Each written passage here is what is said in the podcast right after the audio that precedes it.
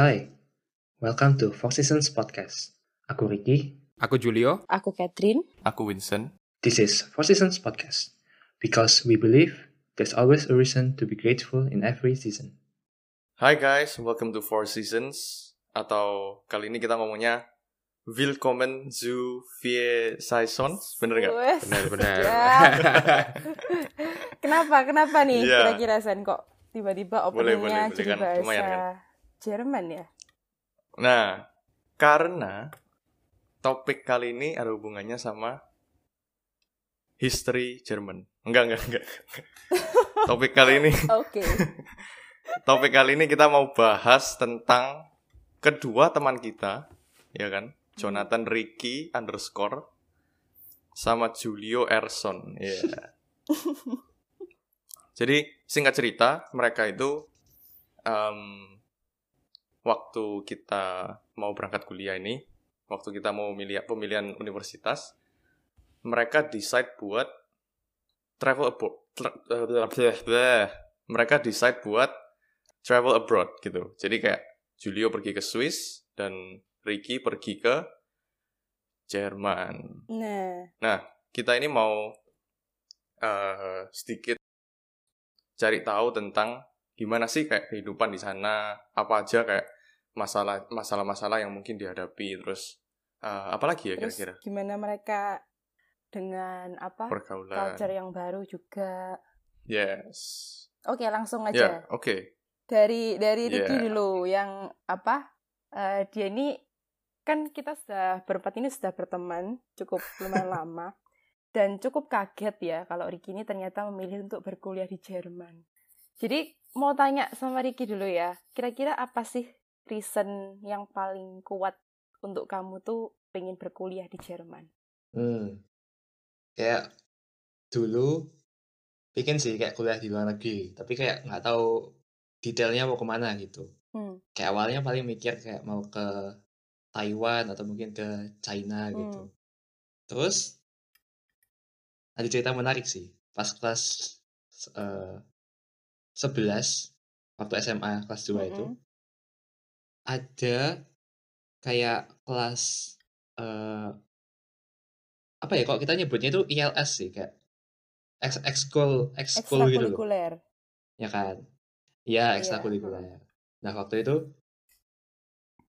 kayak ekskulnya itu nggak menarik terus kayak aku sama kayak gerombolanku gitu eh kayak ya ngobrol-ngobrol gitu Hmm. kayak duduk paling belakang di kelas terus kayak ngobrol-ngobrol gitu terus bahasannya itu tentang ini kayak tentang kuliah di Jerman gitu kan kayak ada Hmm. temanku koko kokonya itu sekolah di Jerman terus kayak ngobrol-ngobrol kayak sejak saat itu kayak aku melihat wah menarik sih terus kayak kuliah di Jerman itu kan eh kalau dibandingin sama negara lain tuh kayak murah gitu loh Oh. soalnya Hmm. eh soalnya nggak ada kuliah itu benernya nggak bayar gitu benernya kayak bisa dibilang gratis Oh ya? kayak yang mahal mungkin tuh ya iya kayak yang mungkin kalau dibilang mahal tuh cuma biaya hidupnya doang sih Kok bisa gratis, Rick?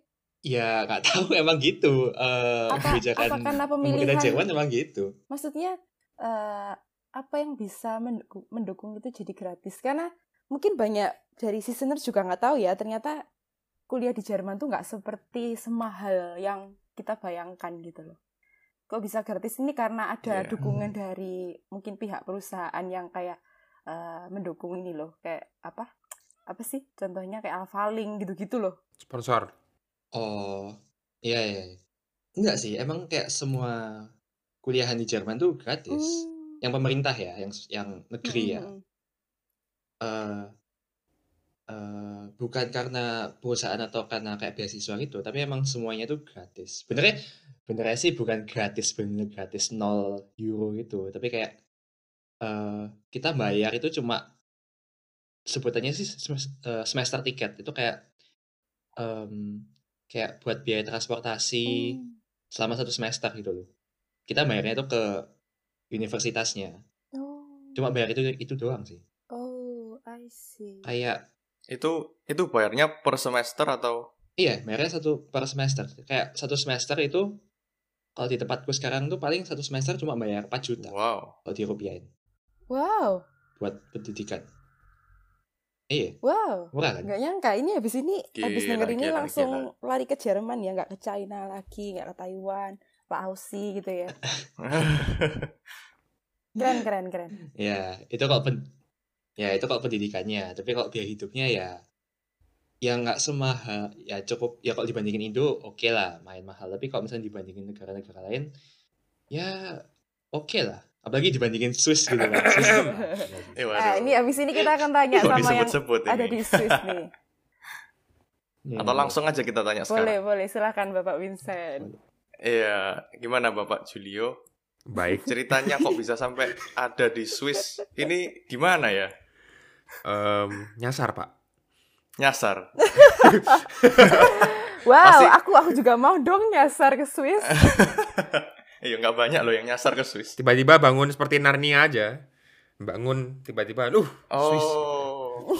Enggak, enggak. Asik. Jadi ceritanya, ceritanya, ceritanya, mulanya itu aku juga mau ke China seperti tadi Ricky ngomong kan ya. China itu of course sering di pikiran orang lain. Dan di antara keluargaku itu memang aku pasti salah satu anak yang akan keluar negeri. Soalnya kokoku di dalam negeri gitu loh. Jadi kan fair enough. Jadi kayak misalnya biasanya kan misalnya kamu ada kakak adik ya. Misalnya kakaknya pergi Hmm. keluar belum tentu adiknya keluar gitu loh. Betul. Nah, tapi gara-gara ini kokoku yang di di Indonesia, jadi ya itu more opportunity for me to go out dan apalagi aku kan multilingual juga kan. Jadi itu juga mungkin membantu aku juga bisa keluar dan apa social network lah gitu. Jadi ya itu pasti keluarga aku udah keinginan keinginan mereka untuk aku keluar. Nah, jadi ceritanya kenapa ke Swiss? Jadi ceritanya aku masuk ke ruangan nih di Graha Family ya. Dan ruangan ini tuh ada tulisnya EduBridge gitu. Jadi itu agent, guys. Eh, dan- Oh iya iya itu dan itu, brosur itu. dan brosur brosurnya sekolahku itu bagus banget. Bagus banget. Brosurnya. Tapi Jadi ini jatuh cinta karena brosur. bener banget. Iya. Wah, bagus banget. Terus agen-agennya itu bagus Oke, banget oke. dan itu bener-bener kayak mereka penjelasannya kan aku juga dibawa ke basar gitu kan. Jadi ada orang kayak dari apa timnya sekolahku gitu apa datang untuk basar gitu dan mereka jelasinnya juga bagus banget gitu. Jadi interested dong. Ya, tapi ya kadang-kadang realita tidak seperti yang diharapkan ya. tapi well, so far masih oke, tapi kayak untuk biaya ya, I mean dari soalnya tadi kan Ricky juga yang apa nyinggung biaya gitu kan. Well, Swiss itu kalau apalagi perhotelan ya, since I'm taking perhotelan and Swiss itu memang terkenal untuk perhotelannya. Itu susah untuk mencari sekolah yang paling baik gitu ya. Soalnya sekolahnya Hmm. semua tuh diimbangin gitu loh. nggak ada ranking-ranking nomor 1, 2, 3. Tapi ada yang lebih mahal dan jelas lebih mahal itu lebih bagus gitu loh. Oh, Dan programnya lebih banyak dan lebih komplit dan course-nya itu lebih dalam gitu. Tapi untuk sekolahku sendiri itu masih lumayan lah, not bad gitu kan. Tapi ya dalam biaya itu lumayan mahal, soalnya kan nggak ada beasiswa ya. Jadi eh, per semester itu aku aja nggak tahu banyak lah pokoknya. nah tapi shockingly ya, shockingly ya setelah aku menganalisa harga-hargaku, biaya hidupku semua gitu kan ya. Plus internshipku yang aku dapat di sini. Jadi kan sama dong, aku juga dapat uang dong. Kayak kalau internship itu sebulan kamu bisa dapat 35 jutaan lah. Wow. Em, jadi ujung-ujungnya kalau di compare sama orang yang ke Australia, actually Swiss bis- bisa lebih murah. Tergantung how you spend it ya. Soalnya Aussie Iya, itu iya. bener-bener kayak Tapi itu- rentingnya itu mahal banget. Apalagi Hmm. living cost-nya. Jadi kayak benar Swiss sih. itu iya. living cost-nya oke, perumahannya masih oke lah, tapi makanan yang lebih mahal kan. Tapi kalau makanan kamu bisa masak sendiri, ya itu udah biasa aja. Sama kayak Jerman juga, gitu. Hmm. Menarik ya. Ternyata Kalau kayak Jerman di Er- apa hidup berkuliah di Eropa tuh nggak semahal seperti yang kita kira gitu loh. Ternyata bahkan bisa lebih cheaper daripada tinggal di Australia atau mungkin di Yes. Taiwan gitu ya. Oh, kalau. Taiwan nggak mungkin. Taiwan murah. Taiwan nggak? Lebih murah. Lebih, iya sih, lebih jauh ya, jauh lebih murah. Jauh, jauh, mungkin jauh. dibandingin So- Ricky kayaknya ya. apa? Dibandingin sama Jerman ya. Ah, aku baru bisa. Soalnya kan mereka programnya kan mirip. Hmm. Ada scholarship. Hmm. tapi yang dari Ricky itu bukan scholarship kayaknya ya. Yang yang yang gratis itu. Enggak, enggak. General itu. Ja- Jadi jadi uh, just to clarify buat semua public school yang di sana berarti ya, public university. Iya, yang negeri ya. Iya. Oh. Tapi itu ada requirements-nya nggak sih, Rick? Harus bisa berbahasa Jerman ya? Iyo, Harus ikutin course-nya kan? iya dong. iya dong. Nah, selama berapa berapa lama? Oh, ya nggak ada batasan waktunya sih. Pokoknya pokoknya sampai di level bahasa gini baru boleh. Ah. Kurang lebih dua, dua Hmm. tahun ada kali ya, Rik. Ya, waktu itu aku belajar dari kelas 11 sih. Tapi ada kok kayak eh, temen yang kayak aku kenal juga kayak habis UN, UN SMA gitu, terus baru belajar. Kayak enam bulan tuh ada, satu tahun ya ada. Tergantung orang masing-masing. Iya, sih. capability Belajar bahasa. masing-masing ya. Yes. Terus juga di kok di kok di Jerman sendiri pas sudah datang harus ini sih masuk college gitu satu tahun. Hmm. Hmm. Biasanya sih itu jalur yang umumnya itu masuk college gitu satu tahun. Bedanya college sama Eh. university apa tuh, Rik? Kalau di Jerman ya, college itu kayak kelas 13 gitu loh. Kayak kelas antara perantara SMA di Indo sama untuk masuk kuliah di Jerman gitu. Oh, itu apakah Kayak ada satu tahun gitu. emang harus harus boleh nggak kayak ada sistem paket C gitu loh kesannya kayak langsung loncat gitu boleh nggak kira-kira Ad- eh, ada, tapi itu lebih ke arah ini sih kayak eh, bahasanya itu harus kayak bener-bener udah yang jago banget gitu bahasanya. Yang Kayak udah Hmm, setara gitu. setara ini, setara Lokal. Eh, orang Jerman Iya. asli iya gitu lah, kayak yang udah susah gitu. hmm. oh gitu Gitu sih. iya iya iya iya. Terus kalau misalnya tentang pergaulannya kalian di sana itu gimana sekarang? Pertama kali deh pertama kali kalian ke sana kan pasti nggak kenal si- siapa-siapa ya. Atau mungkin ada yang kenal ya? Kayak gerombolan dari kayak Edu Bridge gitu ya? Em, aku ada sih, tapi kayak dari beda negara, apa kok beda negara sih? Beda kota, ada yang dari Jakarta gitu kan. oh. Hmm. Hmm, masih enak ya ada teman Indonya ya? Lumayan, masih lumayan banyak lah. kalau Ricky Hmm, iya ada beberapa gitu. Oh, kira-kira kalau sampai sekarang ada nggak satu dua orang yang asli orang sana tapi berteman sama kalian kayak eh, bisa dibilang masuk inner circle juga mungkin? Ada nggak? Coba dulu nih. Terserah Nah. siapa aja. Terserah aku juga. Aku dulu aja lah, aku dulu. Em, since sekolahku ini nggak banyak Eropa juga ya. Kebanyakan Eropa pun dari em, Bulgaria gitu-gitu. Bulgaria, Sweden gitu-gitu kan banyak. Tapi kalau Swissnya sendiri malah rasanya cuma ada satu dua. Soalnya mereka nggak Oh. akan orang Swissnya nggak akan sekolahnya di sekolahku gitu kan. Soalnya sekolahku lebih ke internasional. Mereka pasti kan lebih ke yang public. Nggak ada yang public sih, tapi yang lebih locally known gitu loh. Hmm. Jadi ya, Hmm. ya ja- dikit orang Swiss, tapi banyak kayak orang Rusia, orang Vietnam, orang Thailand, Bulgaria, Sweden, Meksiko, US gitu ada. Hmm. Jadi kalau di eh, universitasmu gitu berarti mainly ngomong pakai bahasa apa ya? English dong, English. Tapi kamu akan bisa mendengarkan banyak bahasa sih. Apalagi kayak orang Indo dan Vietnam itu kan Right. bising ya.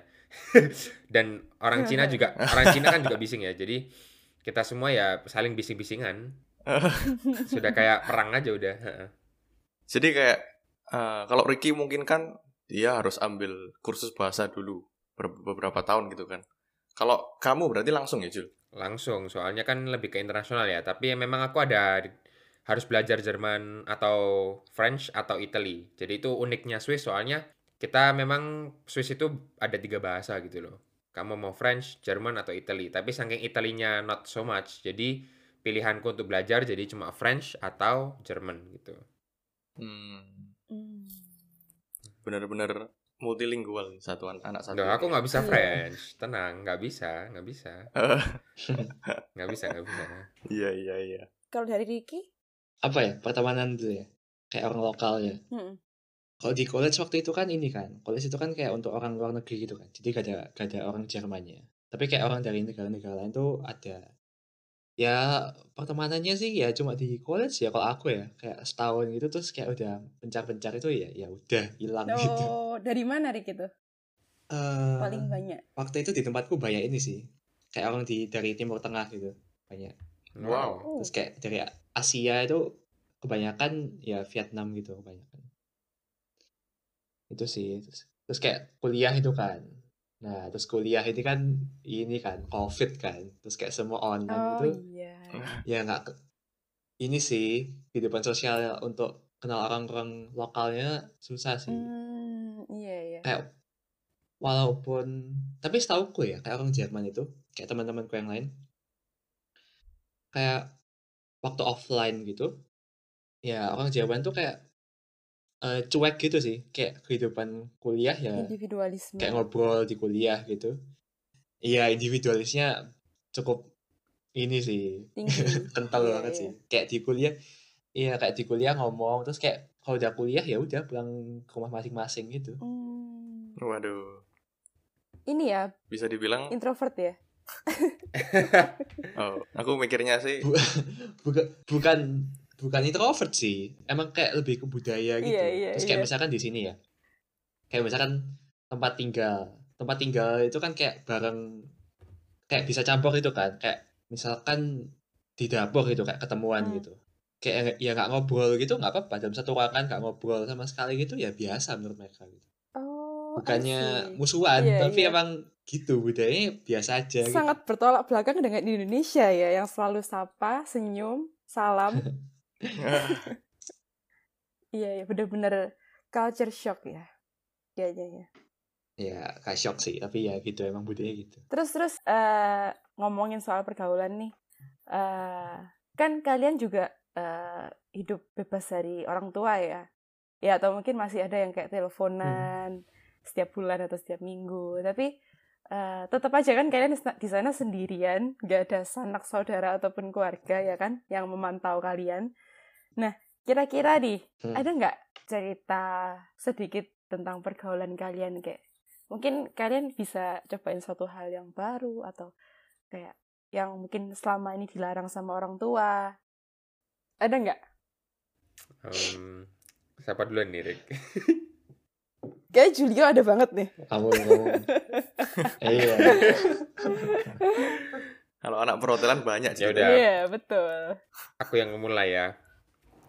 Em, ya apa kayak contoh ya, bir pertamaku itu adalah bersama papaku sendiri satu hari sebelum aku ke Swiss gitu kan ya. Oh. Dan aku di Swiss memang langsung Oh. kedatangan dengan champagne, kedatangan dengan prosecco dan beberapa wines Hmm. gitu kan. Soalnya kan memang itu bidangku gitu ya.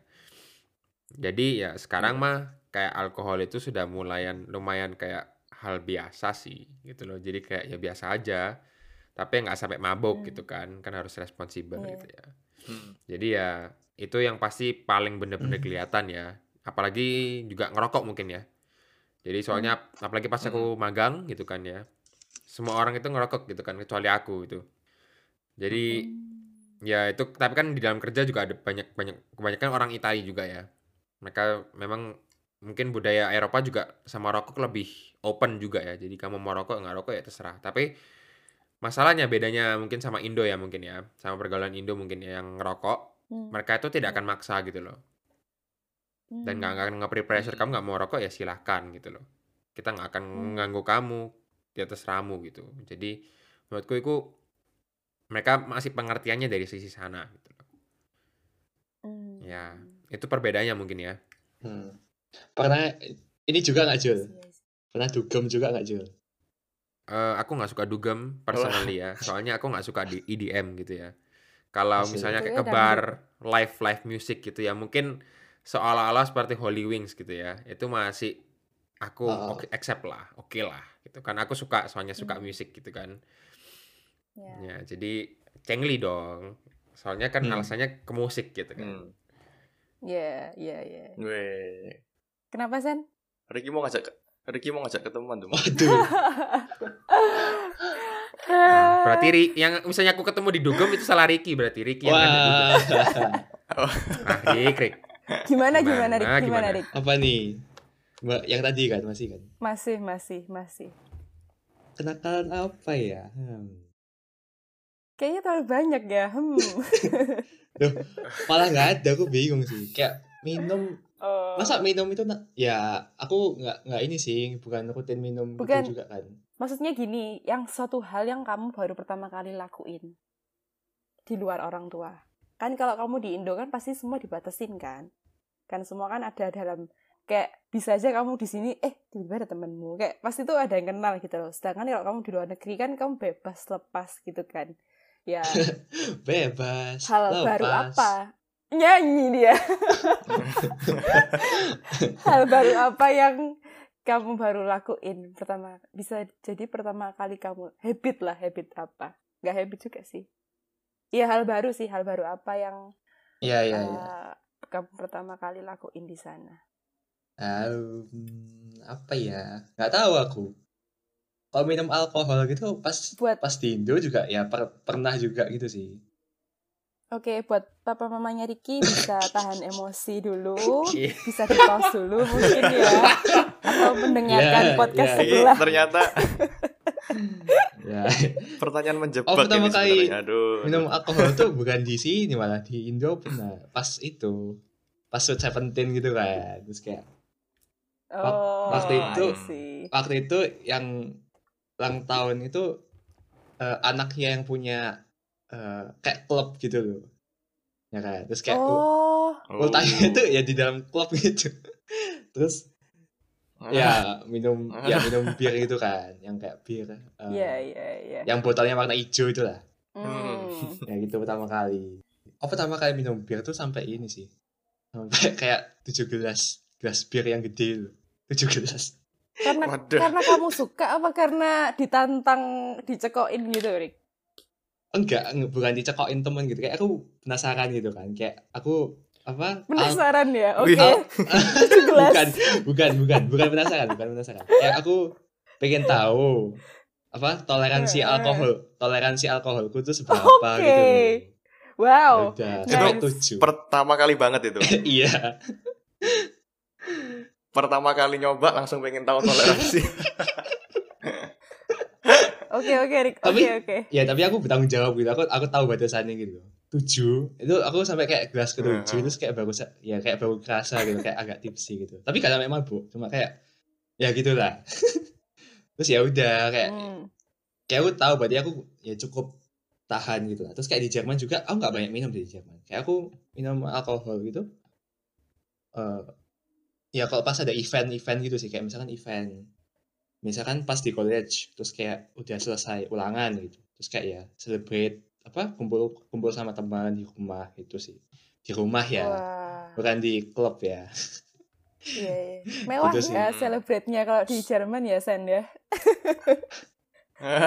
selesai ujian loh wow kalau kita Iya mungkin kalau kita mungkin cuma apa ya? Teh. Chat ya time. paling Waduh. dinner cantik Enggak sih, paling gojek McD makan bareng ya. Iya, celebrate-nya Aduh. Aduh. celebrate-nya ini sih kayak masak bareng terus kayak ya minum gitu pas malam. Hmm. Udah gitu doang sih paling. Ah. Ngomongin tentang batas minum ini kayaknya teman kita yang satu ini lebih expert ini kayaknya ya. Iya, yang di Swiss ini. Oh, oh, lo, lo, aku kira Gimana aku kira, gimana? Aku kira Catherine. Loh, papa mama tolong. Sebenarnya, waduh. Enggak, enggak, enggak, enggak. Enggak, aku, aku, aku jarang Eh, banget. Kurang suka juga sih. Well, Nggak, maksudnya kan Julio em, karena dia juga eh, perhotelan juga gitu kan. Hmm.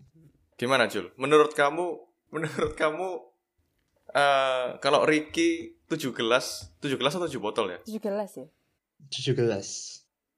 Kalau Ricky 7 gelas bir, kalau kamu berapa Jul? 17 bir Ricky. 7 gelas, 7 Ah, gelas. 7 gelas. Em, 7 gelasnya itu berapa ons dulu? Berbeda gitu kan. Kalau 7 gelas di Indo Yang itu biasanya deh. kecil. Kalau 7 gelas di Jerman letoy. 7 7 7 gelas sih itu. Apa? Ya gelas bir, Jul. Sing yang ya gelas gelas Jerman sih. Gelas Jerman yang gede itu. Iya, satu literan paling, satu setengah liter. Kayak Iya, grassroots root beer. AW. Grassroots beri AW. Wadaw. Grassroots bere awe ya. Oh, Gila, Rik. Aku nggak nyangka jujur aja. Iya, nggak nyangka, Rik. itu lumayan sih. Lumayan. Lumayan. Lumayan. Apalagi Buat melihat Ricky lumayan. ya, aku bisa membayangkan saat itu Ricky mukanya pasti merah gitu kan ya. Iya, iya betul. Pasti Soalnya kan Ricky kan 100%. agak putih-putih gitu kan. Kalau Iya. aku itu nggak pernah kulitku merah itu nggak pernah. Jadi aku nggak nggak akan kelihatan gitu kan. Tapi seperti orang seperti Ricky ini pasti kulitnya langsung merah. Yakin aku Aku lupa merah apa enggak ya. Tapi waktu itu pas aku pulang gitu kan. pasti merah. Pas aku pas aku pulang gitu kan. aku kan dijemput dijemput pak mamaku juga kan pas malam itu. Gak tahu sih. Gak tahu sih mereka mereka sadar nggak kayak aku apa minum sebaya itu apa enggak gitu. Kayak mereka tahu apa ultahnya itu di dalam klub gitu kan. Waduh. Kayak aku juga bilang. Tapi mereka gak tahu ya. Merasa aku 17 itu gak tahu sih.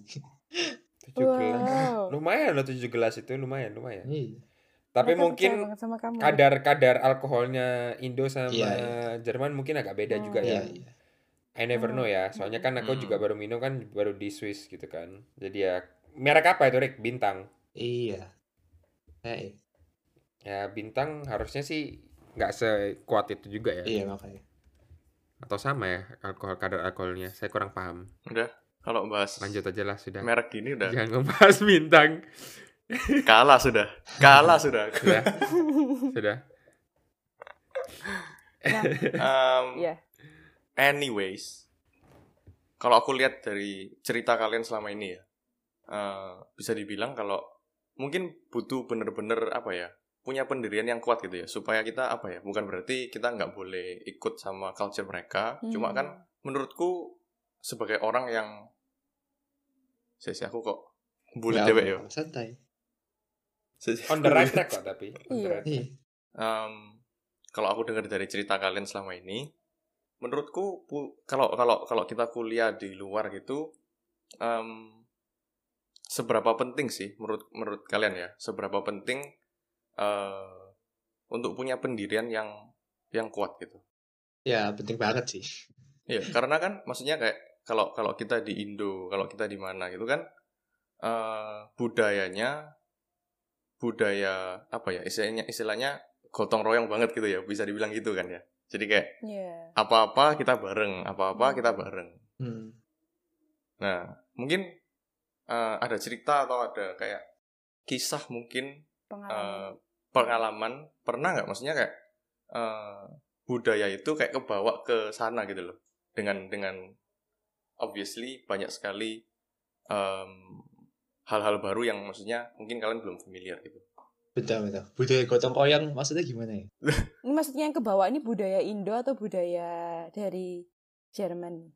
maksudnya like di Indo kita lah maksudnya kayak kepengennya bar apa kebiasaan bareng-bareng terus gitu loh Em, kalau aku Heeh. sih Iya em, jelas ya, soalnya kan teman-temanku sekarang itu kebanyakan Indo dan they're my inner circle gitu kan, yang aku sudah anggap seperti keluarga gitu ya. Jadi kita bener-bener gotong royongnya itu gotong royong banget gitu kan.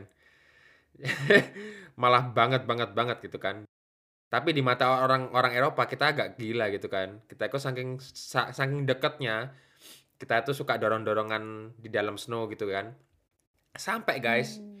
Em, dua minggu lalu ya ceritanya. Jadi kita tuh dorong-dorongan di snow, HP-nya temanku itu hilang.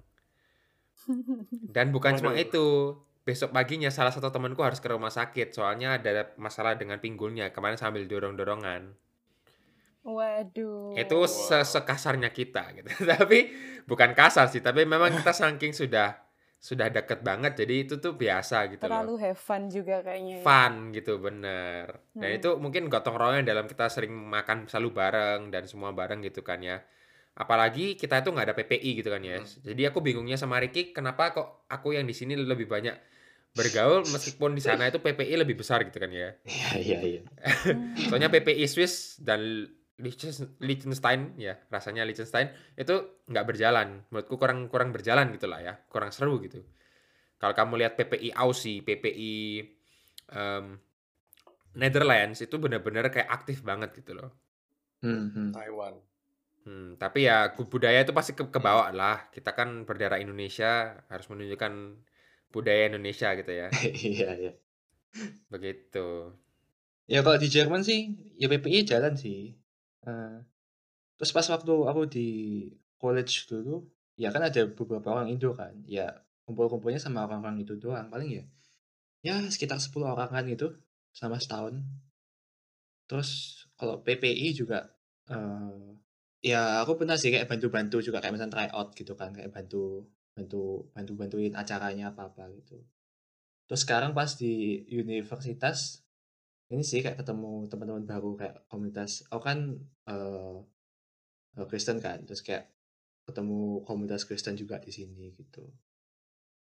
Terus kayak ya sesama orang Indo yuk ini sih kayak kan sama kayak di luar negeri kan. Kayak sama-sama mengerti kalau kita ini saling saling butuh satu sama lain gitu sih, untuk saling dukung, saling tanya-tanya gitu, saling belajar juga. Gitu sih. Hmm. Jadi bond yang dibikin juga lebih kuat juga gitu ya? Iya. Nah, terus uh, lanjut nih ya kan karena kalian tuh sudah memilih sekolah di sana yang benar-benar jauh dari tempat tinggalnya kalian ya. Kira-kira apakah pada saat kalian menentukan kalian akan berkuliah di Swiss atau Jerman tuh kalian tuh sudah ada uh, goal atau visi ke depan kayak setelah oke okay, setelah aku kuliah dari sini aku misalnya kayak Julia misal dari kuliah perhotelan ini aku uh, ke depan akan buka hotel sendiri mungkin seperti itu. Ada nggak kira-kira visi yang udah terbuat gitu setelah kuliah? Well aku, um, seperti aku itu jadi ada teman yang sangat bijak ya. Dan, dan teman ini tuh punya papa yang bijak banget gitu ya.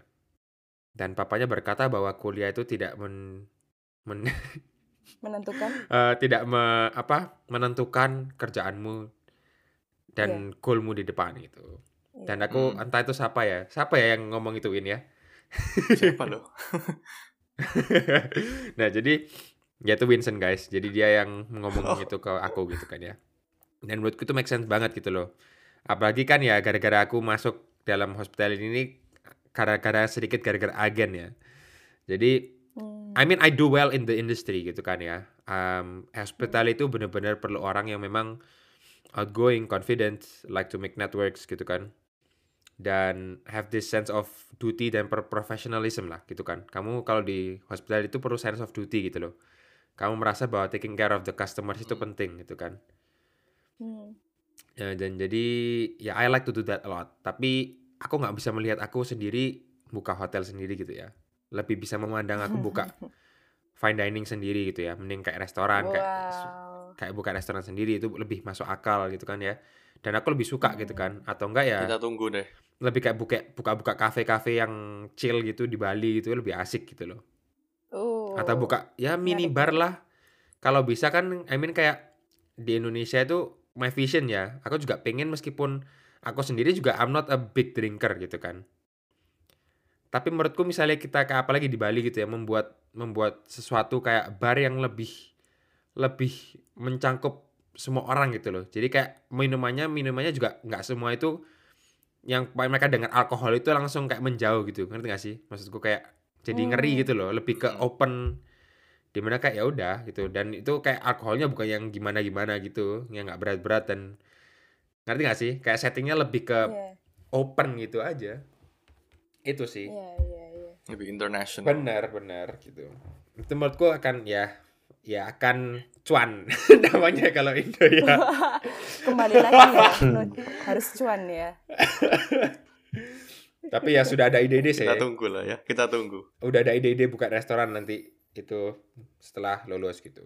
Wow, menarik. Ya, buat seasoners yang mendengarkan dua tahun lagi. Waduh.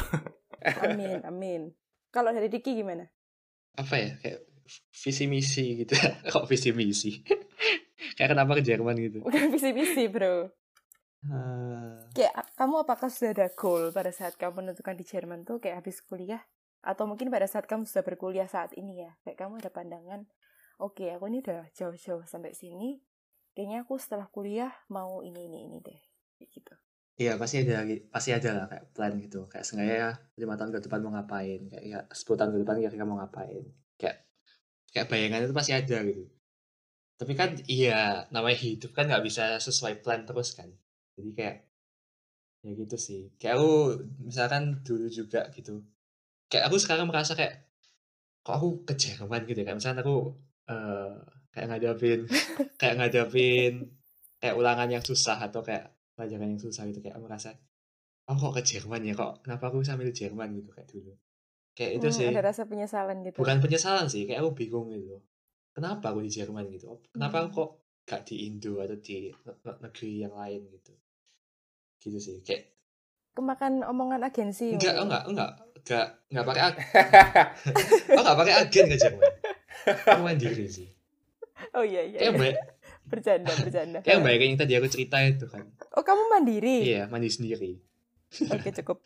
Aku mau Enggak, aku mau aku bilang BCA. Tolong. iya iya lanjut lanjut. kayak yang tadi aku bilang itu kan yang tadi kayak aku udah cerita pas di belakang kelas terus kayak aku ngobrol-ngobrol sama temanku itu aku bayangin sih kalau misalkan Hmm. waktu hari itu aku nggak masuk sekolah kayak aku bolos atau sakit kayak eh, mungkin aku bisa nggak jadi ke Jerman sih gitu kayak butterfly effect kan kalau sebutan kerennya gitu Wait, apa tuh? Wih.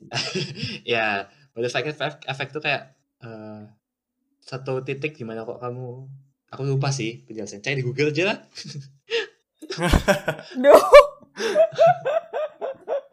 ya inti gitu lah kalau kalian nggak mela- nggak melewati Iya, iya, satu iya. waktu Lanjut. itu mungkin kemungkinan di masa depan eh, bisa beda gitu lah intinya gitu gitu sih kayak merasa eh, aku waktu di belakang kelas tuh bukan karena suatu kebetulan sih masih ada satu alasan kenapa aku di Jerman gitu sih Iya sih, kalian Gitu. ini kayak seperti mendapatkan sebuah peluang besar sih. Jadi menurutku jangan lupa dimanfaatkan sebaik mungkin. Karena kayak nggak semua orang tuh bisa dapat chance untuk uh, berkuliah di luar seperti kalian ya di Jerman dan di Swiss.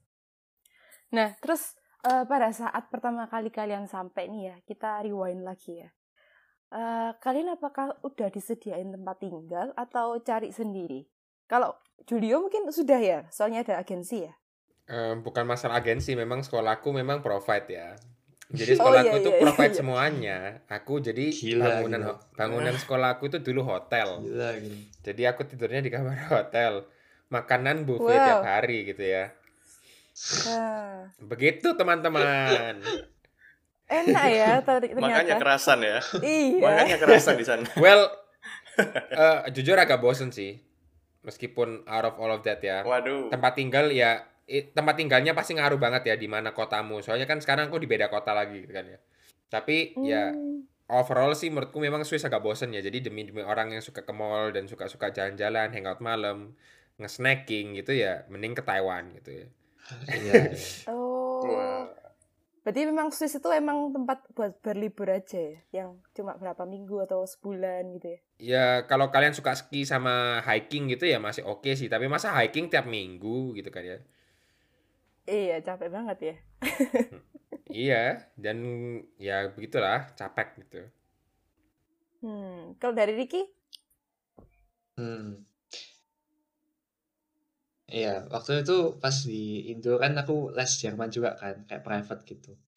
Terus eh disediain juga sih kayak eh kayak fa- family-nya guru lesku gitu di tempat tinggal di rumahnya family guru lesku gitu. Untuk apa ya? Kayak sat- satu semester belajar bahasa dulu di Jerman, kayak penyesuaian gitu. Terus habis itu baru ini sih tes masuk college gitu yang susah. Hmm. Jadi kamu tinggal di rumah istilahnya kayak live in gitu berarti. Enggak enggak, eh family-nya orang Indo juga kebetulan. Oh. Dengan orang Jerman kumpul gitu, Rik. Um, Eh dibantu sih, di provide juga sih kayak kayak kan pertama kali Jerman gitu kan, terus kayak belum belum tahu apa-apa terus kayak ya ditaruh di sana dulu gitu kayak. Oh. Ya dalam tanda kutip dititipin gitu lah. dipertemukan atau karena kamu mencari atau Kayak untuk belajar-belajar kayak penyesuaian gitu. Oh, nice, nice, nice, nice. baik banget ya guru lesmu. Iya iya. Guru les tuh udah ibarat malaikat penjaganya Ricky kayaknya. Asik. Uh, moving on. Uh, aku mau tanya sih. kalau misalnya di luar negeri itu otomatis kan beda ya pasti ya kayak beda sama di Indo gitu ya. Kalau di Indo mungkin uh, semuanya lebih prepared semuanya lebih tertata karena memang ada orang tua juga gitu ya. Nah buat kalian yang kuliah di luar ini gimana sih maksudnya caranya um, kayak kalian istilahnya deal with the unknown gitu ya? Kayak kan Hmm. kan masih banyak Hmm. kayak unexpected things yang bisa terjadi di sana gitu Hmm, ini sih cari eh, komunitas gitu, kayak cari pergaulan yang benar. Kalau misalkan di luar negeri kan nggak ada ya, orang tua kan nggak tahu ya benernya gimana gitu kan. Kayak apa yang kita lakukan atau ngapain gitu. Jadi kayak pergaulan tuh menurutku penting banget sih di luar negeri gitu. Dengan siapa kamu bergaul gitu. Eh, terus juga komunitas ya Iya, terus kayak eh ya kan di sini kayak semua ngurus sendiri, kayak ngurus visa sendiri, ngurus daftar uni sendiri, semua sendiri gitu, mandiri. Hmm. Ya belajar ini sih, belajar untuk mandiri. Tapi juga sometimes pasti eh kerasa lonely lah, kayak ada pasti ada rasa loneliness gitu. Gak tau sih kalau Julio gimana ya. Hmm. Emang eh iya ngom bentar ya ngomongin tentang komunitas ini berapa lama sampai kalian eh, istilahnya menemukan kayak komunitas yang finally bisa kalian comfortable gitu. Kalau aku sih aku di Jerman ini ya, dua tahun ya. Kayak dua tahun lebih dikit gitu. Wow, cukup lama. Iya. Jadi Iya, Iya, belum lama pulang Indo ya. nih, aduh. Balik. Iya, ya. Pas waktu di college itu ya, eh, ya teman bergaulnya itu ya teman-teman di college gitu. Jadi kayak belajar bareng tiap hari ya ketemu itu kan. Kayak selama setahun belajar di perpus gitu. Belajar, belajar, belajar. Ya, ya udah kehidupannya ya tentang itu, belajar itu untuk lulus dari college itu. Terus sekarang pas di uni, eh, diajakin ini sih kayak temanku gitu untuk masuk di persekutuan yang Kristen juga gitu kan. Terus kayak eh ini sih kayak merasa udah ditempatkan di tempat yang benar gitu. Ya selama dua tahun baru ketemu mungkin. hmm. kalau Julio mungkin. Kalau jawab dua-duanya ya, aku jawab dua-duanya. Dari deal with the unknown yang pertama ya. Um, well, for me, the most important thing udah disebut ya tadi, pendirian. Um, you need to have a strong apa ya, conscious mind. Jadi kayak kamu udah tahu kamu mau ngapain, kamu mau tahu what your value is, kamu udah tahu dirimu lah, identitasmu itu seperti siapa gitu kan. Jadi kamu udah Hmm. tahu you what you want lah in life gitu kan. Soalnya itu very very important. So you will not become a follower, but you decide what you wanna do and what you wanna live gitu kan ya, cause it's your life and you control your life gitu kan ya. Hmm. Um, Hmm. and of course ya berserah kepada Tuhan ya in all of that. And Hmm. that's why, of course, community is important. And for me, my community, finding kayak Christian community, apa yang Kristen di sini itu agak susah gitu kan ya. Soalnya kebanyakan yang muda-muda seumuran aku itu umurnya itu apa ya kok umurnya? Maksudnya kayak kebanyakan bahasa Jerman gitu kan. Dan aku tidak mampu ya guys. Jermanku cuma Bishen, apa? Bishen ya, Rick ya. Bishen, Iya, iya, Bishen. iya. Ya. nur bisschen Deutsch ya. Jadi nggak bisa banyak-banyak Jerman juga. Jadi aku nggak bisa ketemu komunitas yang muda gitu loh. Dan teman-temanku juga pas itu Hmm. pun di suatu sekolah yang Kristen cuma 4, 3 dan itu pun yang Indo cuma aku doang gitu kan yang nggak sih ada satu lagi yang Kristen tapi cuma berdua ada antara banyak orang gitu kan ya. Hmm. Jadi itu lumayan susah. Tapi ya, well, I find other friends yang just nice gitu loh. Kayak that's what you sometimes you need to deal in life gitu kan. Apalagi kita sebagai Indonesia yang bineka tunggal ika ya. Wow. Eh, jadi ya we kita sebagai orang Indonesia kita menunjukkan lah bahwa kita bisa berteman dengan semua orang, semua agama dan we respect them and sekarang pun teman-temanku ya ada yang Katolik, ada yang Buddha gitu kan. Tapi ya I trust them enough gitu loh. Dan mereka Hmm. tahu dan mereka value our friendship dan that's enough for me gitu kan. Em, yang penting they keep me in check gitu loh. Mereka tahu bahwa aku itu beragama dan mereka misalnya aku melakukan hal yang bodoh, mereka yang marah gitu kan. Meskipun mereka pun Hmm. biasa aja aslinya untuk melakukan hal itu, tapi kalau mereka melihat aku yang melihat melakukan, mereka marah gitu loh. Wow. So either way they keep me in check, which is I'm really grateful for that gitu kan. Soalnya kan jarang-jarang gitu ya bisa terjadi seperti itu gitu kan. Ah, ya ya itulah the thing that I'm grateful for sih. Jadi Hmm. ya at the end ya aku juga membuat komunitasku sendiri untuk Kristen ya. Aku membuat komunitasku sendiri tapi even after that aku masih lebih dekat sama grup-grup Indoku yang sa- saat ini aku bersama gitu loh. But just the Christian community itu juga membantu lah. It keeps you in check untuk tetap devo gitu kan, untuk tetap apa mendengarkan sermon gitu kan ya. Dan ya I think that's it sih. I mean, ya kembali pendirian itu penting banget, penting banget. Harus independen lah. Iya kan Rick ya, harus independen banget. Hmm. Itu penting gitu loh. Kalau kamu dependen mah ya jadi anak mama itu susah, susah. Punya integritas. Bener. Waduh, Ricky udah siap jadi suami. Kayak guyon. Jadi bukan sendiri lagi, ya kan? Jadi sekarang bukan sendiri tapi berdua. Waduh. Aduh, aduh. Iya, iya. Oke, jadi bisa dibilang kalau komunitas itu penting ya. Karena Hmm. kalian harus menemukan kayak kayak a pack of wolves yang bakal berjalan bersama-sama dengan kalian gitu kan ya. Tapi kita juga nggak nggak nggak meninggalkan eh, pendirian kita juga gitu ya. Oke, mungkin cukup sampai di sini ya. Karena kita sudah dengar ceritanya Julio sama Ricky bagaimana mereka kayak me- istilahnya merantau di negeri orang gitu ya. Hmm. Terus kita juga sudah belajar beberapa hal seperti punya pendirian yang yang kuat dan juga pentingnya komunitas di di di lingkungan yang mungkin baru dan uh, nggak familiar gitu ya. Ya, so we hope um, dari cerita mereka ini kalian bisa dapat sesuatu dan juga mungkin kalian yang masih SMA mungkin mau berpikiran buat kuliah di luar, siapa tahu mau di Jerman atau mau di Swiss mau ketemu koko-koko ini ya Eh, bisa di DM mungkin di di Four Seasons atau langsung di DM pribadi Wah. Waduh, Waduh, waduh. do, do. Yeah, okay. So that's all from us. Uh, this is Four Seasons podcast because we believe there's always a reason to be grateful in every season. See you. Bye. Bye.